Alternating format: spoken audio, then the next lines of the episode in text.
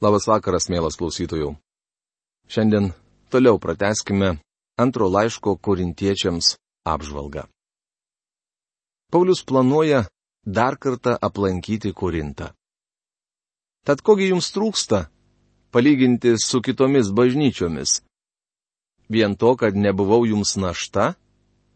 Atleiskite man šitą nusikaltimą. Štai aš pasiruošęs trečią kartą atvykti pas jūs Tačiau neapsunkinsiu jūsų, nes geidžiu ne jūsų turto, o jūsų pačių. Juk ne vaikai privalo krauti turtą gimdytojams, bet gimdytojai vaikams. Antras laiškas korintiečiams, 12 skyrius 13-14 eilutės. Paulius, kaip matote, buvo dvasinis Korinto tikinčiųjų tėvas. Jis buvo atvedęs juos pas Kristų ir įkūręs Korinte bažnyčią. Jūsų sielų labui su džiaugsmu viską atiduosiu ir save patį pridėsiu. Argi be krašto jūs mylėdamas turėčiau būti jūsų mažiau mylimas? Antras laiškas korintiečiams 12 skyrius 15 eilutė. Paulius sako, kuo labiau jūs myliu, tuo mažiau meilės sulaukiu iš jūsų. Atrodytų, kad jis skundžiasi, ar ne? Tačiau šventoji dvasia skatino apaštalą pasakoti ne apie tai, ką jis matė ir girdėjo trečiajame danguje, bet apie kentėjimus ir nusivylimus, kuriuos jis patyrė šioje žemėje. Tebūnė ir taip, sakysite, aš jūsų neapsunkinau, bet būdamas gudrus, klasta jūs prisiviliojau, Antras laiškas korintiečiams 12 skyrius 16 eilutė. Tik paklausykite šio vyro. Jis sako, aš geidžiau ne jūsų turto, o jūsų pačių. Norėjau laimėti jūs Kristui. Argi ne apie tai viešpats Jėzus buvo kalbėjęs savo paštalams? Jis sakė jiems, sekite mane ir aš padarysiu jūs žmonių žvėjais tačiau nežadėjo, kad kiekvienos pagautos žuvies burnoje jie ras aukso gabalą. Jėzus padarė juos žmonių žvėjais. Štai kas svarbiausia. Bet argi aš kaip nors išnaudojau jūs per kurį savo pasiuntinį? Aš įprašiau Titą keliauti ir pasiunčiau su juo vieną brolį. Argi Titas jūs išnaudojo? Argi mes veikėme ne tą pačią dvasę? argi nevaikščiojome tomis pačiomis pėdomis? Antras laiškas korintiečiams 12 skyrius 17-18 eilutės. Paulius nenaudojo gudrių metodų, bet paprastai skelbė Dievo žodį. Jis nesiuntė po save šių vyrų, kad jie pasipelnytų iš korintiečių. Jūs jau seniai manote, kad mes prieš jūs teisinamės. Ne. Mes kalbame Dievo akivaizdoje, Kristuje. Ir visa tai mylimieji jūsų pažangai. Mat aš bijau, kad atvykęs neraščiau jūsų tokių, kokių nenoriu ir kad pats nebūčiau toks, kokio jūs nenorite. Kad nebūtų nesantaikos, pavydo, piktumo, barnių, šmeištų, apkalbų, pasiputimų, netvarkos. Antras laiškas korintiečiams 12 skyrius 19-20 eilutės. Štai ką Paulius tikėjosi rasti atvykęs pas Korinto tikinčiuosius. Korintiečiai daug tikėjosi iš Pauliaus, o Paulius daug tikėjosi iš jų. Bet kas jau laukia? Ginčiai ir debatai. Aš tarnauju jau daugelį metų. Savo gyvenime priejau tokį tašką, kai visai nesu nusiteikęs ginčytis. Kart kartėmis gaunu ilgus laiškus nuo žmonių, kurie klausosi mano radio programų ir nori pasiginčyti dėl kokios nors doktrinos ar mano pasakyto teiginio.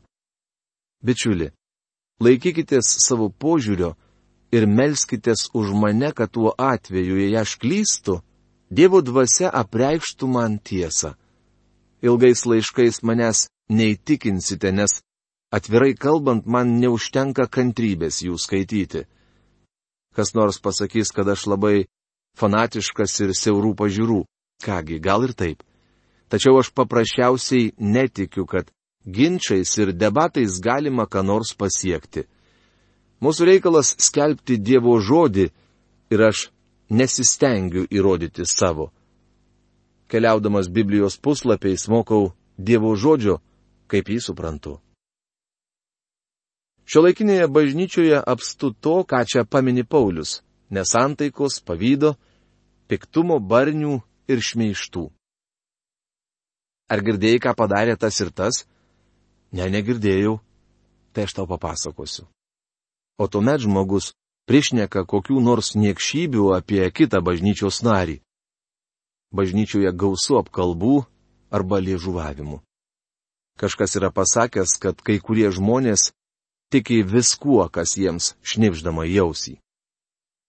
Be šių blogybių Paulius pamini pasipūtimą. Kiek man yra tekę girdėti, geriausiai šį žodį paaiškino daktaras Ironsidas. Jis sakė, kad tai primena jam išsipūtusią varlę, tupinčią užutekio ar kūdros pakrantėje. Tuomet jie atrodo dvigubai didesnė negu paprastai tačiau te reikia paleisti į ją akmenėlį ir varlė, vėl pasidariusi mažytė, kuo skubiausiai neria į vandenį. Bene geriausiai pasiputimą apibūdina žodis pompa. Nūdien daugelis krikščionių kalba ir veikia su pompa. Netvarkos yra bėdos bažnyčioje. Mažos grupelės žmonių susibūrė krūvon ir kelia sumaištį. Jie platina atsišaukimus, renka parašus prieš vieną ar kitą bažnyčios tarnautoją, taip keldami netvarką. Kad kai vėl atvyksiu, mano Dievas nepažemintų manęs prieš jūs ir man netektų apraudoti daugelio, kurie pirmiau buvo nusidėję ir dar nėra atgailavę dėl savo netyrumo, ištvirkavimo ir gašlumo darbų. Antras laiškas korintiečiams 12 skyrius 21 eilutė. Korinto miestas buvo be galo pasileidęs. Jis garsėjo visoje Romos imperijoje kaip nuodėmės centras. Tai buvo kažkas panašaus į nūdienos Las Vegą ar Amsterdamą. Čia žmonės vykdavo daryti nuodėmių. Tiesa, kur buvo apstu nuodėmės, ten dar apstesnė tapo malonė. Tačiau Dėl to Korinto gyventojai ėmė atlaidžiau žiūrėti į šias nuodėmes. Matome nelabai patrauklų bažnyčios paveikslą, ar ne?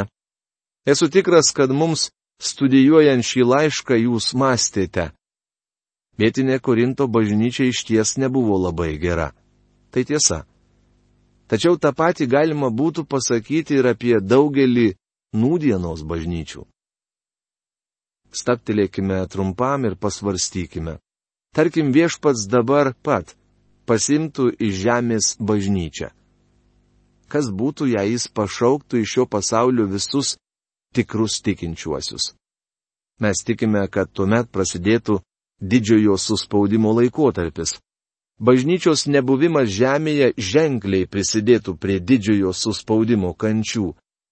Šiandien bažnyčia yra pasaulio druska ir šviesa, ji yra šventosios dvasios buveinė. Ar pasaulis taisosi ar eina blogin? Kai kurie žmonės sako, kad bažnyčia nepataisė pasaulio, mat šiandien jis yra labiau sugedęs negu prieš 2000 metų. Aš su to nesutinku. Žinau, antro laiško Timotiejų trečios skyriaus 13 eilutėje sakoma, pikti žmonės suvedžiotojai eis dar blogin, klaidindami ir klyzdami. Tačiau čia nesakoma, kad pasaulis eina blogin, bet kad pikti žmonės eis vis blogin ir blogin. Manau tai reiškia, kad į gyvenimo pabaigą jie darysis vis blogesni, o tuomet ateis nauja karta. Šiandien pasaulis yra kiek geresnis negu prieš 2000 metų, nes anuomet pasaulis padarė nuodėmę, kuri būtų buvusi neatleistina, jei viešpats Jėzus nebūtų taręs. Tėve atleisk jiems, nes jie nežino, ką dara. Jie nukryžiavo Dievo sūnų. Žinoma, šiandien pasaulis atmesdamas Jėzų Kristų kryžiuoja iš naujo. Didžiausia nuodėmė pasaulyje - atmesti Kristų. Tuo prasikaltusios visos kartos. Viešpats Jėzus sakė, kad atėjusi šventoji dvasia įtikins pasaulį, kaip šis klysta dėl nuodėmės, kadangi netiki manimi, rašoma Jono Evangelijos 16 skyriaus 9 eilutėje. Egzistuoja daug blogių nuodėmių, tačiau blogiausia - atmesti Jėzų Kristų. Didžiausias nusikaltimas, kada nors padarytas šioje žemėje, buvo Dievo sunaus nužudimas. Šiandien pasaulis toks pat bjaurus, sugedęs, nedoras ir niekšingas, kaip anuomet. Turiu pasakyti, kad nūdien geriau gyventi pasaulyje negu prieš 2000 metų. Mes galime gyventi patogiau. Šiandien daug kas palengvina mūsų gyvenimą ir būtį. Tačiau turime aiškiai suprasti, kad bažnyčios tikslas nėra sodinti pasaulyje gėlyčių, kaip Izraelis nebuvo pašauktas sodinti gėlyčių dykumoje. Jie buvo piligrimai, keliaujantys per dykumą, turėję skelbti žinę bei liudyti gyvą į Dievą. Ta pati tiksla jau ilgus amžius turi bažnyčia. Bažnyčia yra grupė žmonių, kurie turėtų būti šventi savo Dievui ir gyventi jam. O kad galėčiau pasidžiaugti, jog bažnyčia tai daro. Deja negaliu. Tai viena iš priežasčių, kodėl daugelis vietinių bažnyčių nesidomi Dievo žodžiu. Jos perdėmus ėmusios vidinių problemų sprendimu. Tačiau tai nepaneigia fakto, kad viešpats Jėzus Kristus myli bažnyčią. Jis atidavė save už ją, kad galėtų ją nuplauti, apvalyti ir kiekvieną tikintį jį padaryti priimtina Dievui. Nors mums dar toli iki to, kokie turėtume būti, turim artėti prie tikslo. Taigi iš Pauliaus laiškų korintiečiams matome, kokia buvo toji nuodėmingiausiame Romos imperijos mieste įsikūrusi bažnyčia. Ji turėjo išties daug problemų. Mane smagu girdėti pareiškimus, kad bažnyčia nedaro jokios įtakos ją supančiam pasauliui.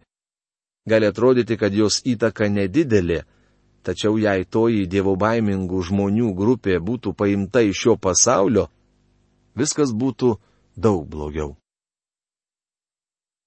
Antras laiškas Korintiečiams 13. Paskutinysis skyrius.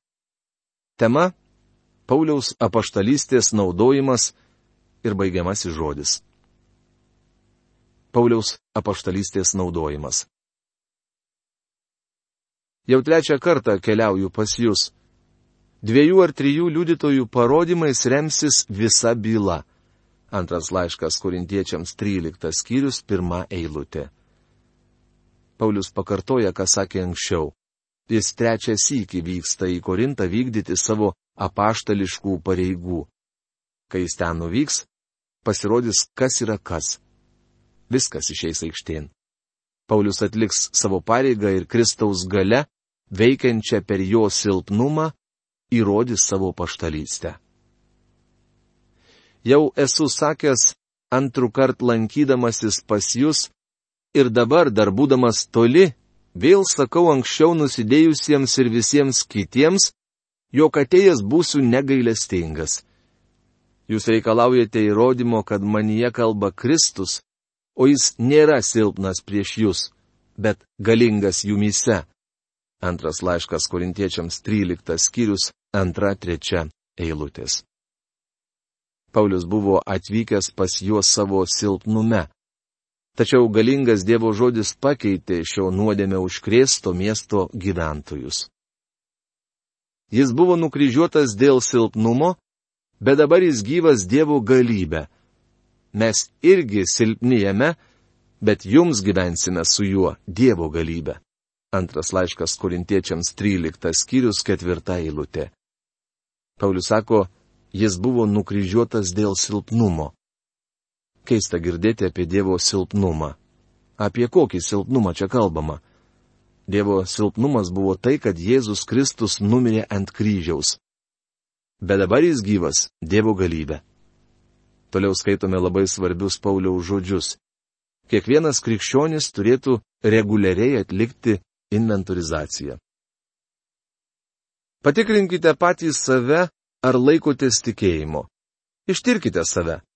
O gal nenutuokėte, kad jumise yra Jėzus Kristus? Jeigu taip, tai esate atmestini. Antras laiškas korintiečiams 13 skyrius 5 eilutė.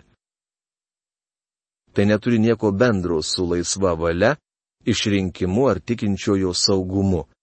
Paulius sako, kad mums reikia ištirti save, ar esame tikėjime ar ne. Turėtume paisyti šio paraginimo. Manau, mums reikėtų daryti tai du, tris kartus per metus. Komet mano dukra buvo dar visai mažutė, ji išpažino savo tikėjimą mamai, joms abiem lankantis pasenelę Teksase. Vieną dieną ji nei iš šio, nei iš to atėjo ir pasakė, kad nori priimti Jėzų kaip savo gelbėtoją. Mano žmona nusivedė dukrelę į mėgamąjį, kur mūsų mažoji atsiklaupusi priėmė Kristų. Po šio įvykio aš nuolat klausdavau ją apie jo santykius su Kristumi. Sulaukusi paauglystės jį pasiteiravo. Teveli, kodėl nuolat klausinėjai? Ar aš esu krikščionė ir ar tikrai pasitikiu Jėzumi? Aš jai atsakiau, tiesiog noriu būti tikras, juk tu esi mano vaikas. Maža to, kad aš nuolat klausinėjau ją, tuos pačius klausimus reguliariai užduodavau ir savo. Manau, tai turėtų daryti kiekvienas tikintysis. Bet aš turiu vilties, kad jūs įsitikinsite, jog mes nesame atmestini. Antras laiškas korintiečiams, 13 skyrius 6 eilutė. Paulius ištyrė save ir nori, kad korintiečiai žinotų, jog jis yra tikėjime. Mes melžiame Dievą, kad jūs nedarytumėte nieko blogo ne tam, kad mes pasirodytume tinkami, bet kad jūs darytumėte gerą o mes būtume tartum atmestini. Antras laiškas korintiečiams, 13 skyrius 7 eilutė. Paulius nori, kad jie būtų tokie tikintieji, kokie turėtų būti. Mes juk nieko negalime prieš tiesą, bet tik tai už tiesą. Antras laiškas korintiečiams 13 skyrius 8 eilutė. Tai dar viena svarbi tiesa, kurią mums dėrėtų įsidėmėti. Mano draugė, jūs nieko negalite padaryti prieš tiesą. Štai kodėl manęs nebaugina žmonės prieštaraujantis Dievo žodžiui. Jie nieko negali prieš tiesą. Mes turėtume skelbti Dievo žodį ir negaišti laiko jį gindami. Dievas neprašo mūsų įginti, bet skelbti ir garsinti. Mums džiaugsmas, kad mes silpni, o jūs stiprus. Mes to ir melžiame, kad jūs taptumėte tobuli. Antras laiškas korintiečiams 13 skyrius 9 eilutė. Tobuli reiškia ne tokį tobulumą, kaip mes jį paprastai suprantame, bet subrendimą. Paulius nori, kad korintiečiai būtų subrendę krikščionys. Nori, kad jie auktų malonę ir Kristaus Jėzaus pažinimu. Ir šiandien girdime frazę, kodėl neaugi? Štai ką Korinto tikintiesiems sako Paulius. Aukite Kristuje. Todėl būdamas toli rašau tai, kad atvykęs neturėčiau griežtai elgtis griebdamasis galios, kurią man viešpat suteikė tam, kad ugdyčiau, o ne kad greučiau. Antras laiškas korintiečiams, 13 skyrius, 10 eilutė. Paulius džiaugiasi, kad gali parašyti jiems iš anksto. Apaštalo laiškas skirtas tam, kad juos ugdytų, o ne kad greutų. Baigiamasis apaštalo Pauliaus žodis. Galiausiai, broliai, džiaukitės, tobulinkitės, vienas kitą guoskite, būkite vieningi, taikiai gyvenkite. Ir meilės bei ramybės Dievas bus su jumis. Antras laiškas korintiečiams 13 skyrius 11 eilutė. Vėl jis sako, tobulinkitės, tai yra aukite. Nebūkite žindukliai krikščionys. Ta pati galima būtų pasakyti daugeliui nūdienos tikinčiųjų. Vienas kitą guoskite. Paulius grįžta prie žodžio, kurį vartojo šio laiško pradžioje. Tai yra Dievo paguodos.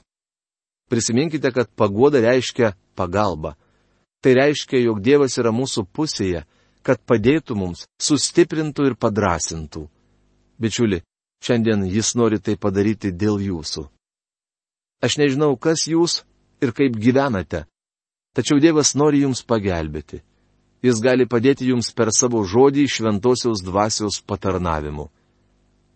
Tai nuostabios eilutės. Dievas yra su mumis, kad mus paguostų. Mes turime aukti ir bręsti. Negalime nieko padaryti prieš tiesą, bet tik tai už tiesą. Išgirdę tokį padrasinimą, turėtume su dar didesniu pasitikėjimu žygiuoti pirmin Dievo gretose. Būkite vieningi arba, kaip verčia profesorius Algirdas Jurienas, būkite vienos minties reiškia laikykitės Kristaus nusistatymo. Taikiai gyvenkite. Mes negalime sukurti taikos, bet galime taikiai gyventi. Ir meilės bei ramybės Dievas bus su jumis. Tai Dievo ramybė, pranokstanti bet kokį supratimą. Sutaikinimas, kurį Dievas atliko kryžiaus krauju. Štai tokioje ramybėje mes šiandien turime gyventi. Turime džiaugtis savo išgelbėjimu. Ir meilės bei ramybės Dievas bus su jumis. Nepraleiskite to. Jūs ne vienas, šiandien su jumis yra Dievas. Kaip tai nuostabu. Sveikinkite vieni kitus šventų pabučiavimu. Antras laiškas korintiečiams 13 skyrius 12 eilutė. Tikiuosi neprieštarausite, jei papasakosiu istoriją apie vėlionį daktarą Walterį Wilsoną. Kartą jo žmonos atėjo aplankyti vienas draugas. Būdamas nuostabus Dievo šventasis, jis pasveikino daktarą pabučiavimu. O tuomet pabučiavo ir jo žmoną. Šis vyras sakė daktarui Wilsonui, Tave aš galiu pasveikinti šventų pabučiavimu, bet bučiuoti su tavo žmona - nieko savo. Leiskit jums patarti, bičiuli, jei jau ketinate bučiuotis, būkite tikras, kad pabučiavimas bus šventas. Jei norite, kad pasisveikinimo bučinys būtų šventas, siūlyčiau apsiriboti tos pačios lyties tikinčiaisiais. Jūs sveikina visi šventieji. Viešpatės Jėzaus Kristaus malonė Dievo meilė ir šventosios dvasios bendrystė te būna su jumis visais. Antras laiškas korintiečiams 13 skyrius 12-13 eilutės. Žodžius šventosios dvasios bendrystė te būna su jumis visais, Paulius taiko ne vien Korinto tikintiesiems, bet ir mums. Mes turėtume gerėtis ir mėgautis viskuo, ką turime Kristuje Jėzuje. Viešpadės Jėzaus Kristaus malonė Dievo meilę ir šventosios dvasios bendrystę. Su kokiu uolumu turėtume liudyti ne tik pasauliui, bet ir savo bažnyčios žmonėms. Mielas klausytojau, šios dienos laidos laikas baigėsi, o mes su jumis pabaigėme nagrinėti antrąjį laišką korintiečiams. Kitoje laidoje mes su jumis vėl persikelsime į Senąjį testamentą ir nagrinėsime Esteros knygą. O šios dienos laidą baigiame. Iki malonaus sustikimo. Sudė.